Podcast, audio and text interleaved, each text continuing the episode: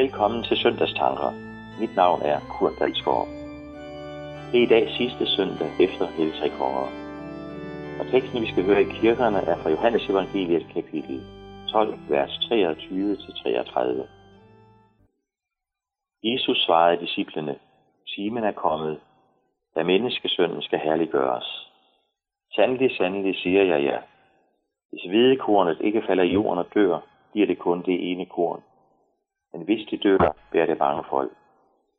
Den, der elsker sit liv, mister det. Og den, der hader sit liv i denne verden, skal bevare det til evigt liv. Den, der tjener mig, skal følge mig. Hvor jeg er, der skal også min tjener være.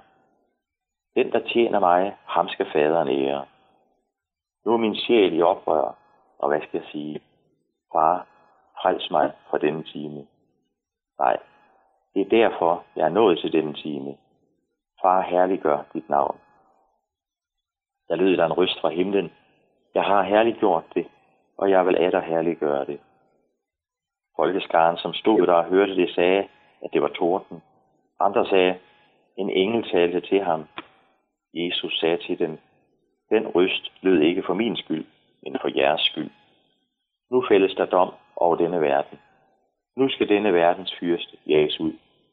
Og når jeg er blevet ophøjet fra jorden, vil jeg drage alle til mig. Det sagde han, og betegnede dermed, hvordan han skulle dø. I teksten her, der vender Jesus alt på hovedet. Han fortæller om, at han nu snart skal herliggøres.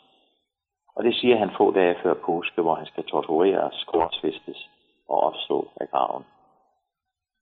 Og jeg tror ikke, at Jesus kun siger det med, at han skal herliggøres med henblik på påskedag, hvor han opstod af graven. Nej, han tænker også på alt det, som gik forud. Med hån og spot og pisk og tortur og fornedrelse og korsfæstelse og de smertefulde timer, inden han dør. Der bliver Jesus herliggjort. Det er der, Gud herliggør Jesus. Det lyder da mærkeligt.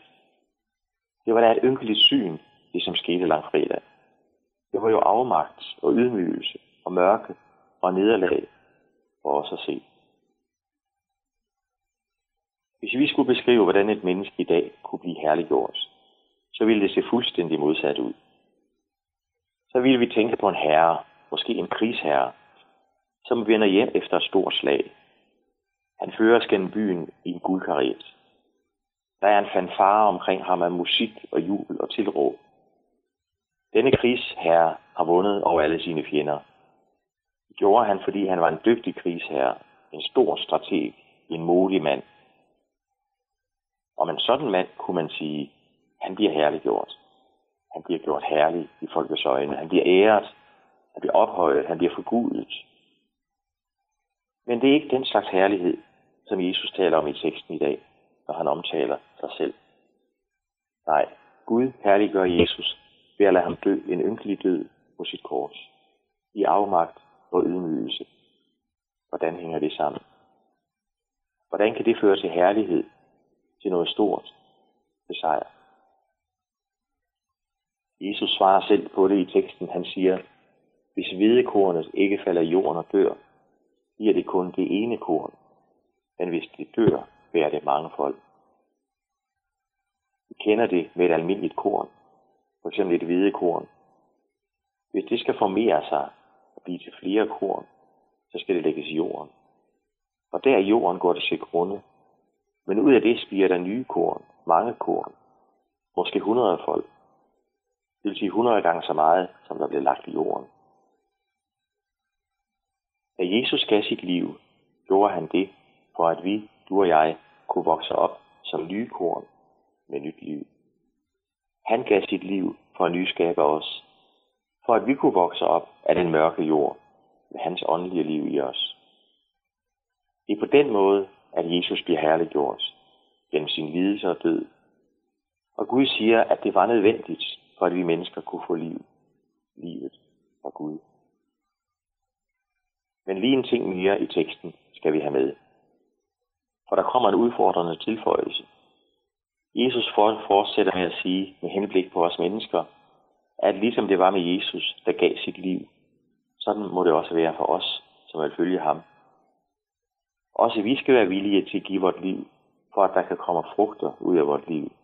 Han siger det på den måde, den, der elsker sit liv, mister det, og den, der hader sit liv i denne verden, skal bevare det til evigt liv. Den, der tjener mig, skal følge mig, og hvor jeg er, der skal også min tjener være. Den, der tjener mig, ham skal faderen ære. Det Jesus siger her, det betyder ikke nødvendigvis, at vi, ligesom Jesus, skal dø for andre mennesker. Normalt skal vi ikke det. Skønt der dog kan opstå situationer, hvor vi skal være villige til det. Og nogle steder i verden koster det virkelig livet at følge Jesus. Men selvom vi ikke konkret skal dø for Jesus sag, så skal vi være villige til at give afkald, ofre, hvis det er nødvendigt for at følge Jesus. Kun det korn, som lægges i jorden og dør, bliver til flere korn, bærer frugt, måske hundrede folk. Tak til Jesus, at han var villig til det. Det var på den måde, at Jesus blev herliggjort. Det var mine tanker om prædiketeksten i kirken denne søndag.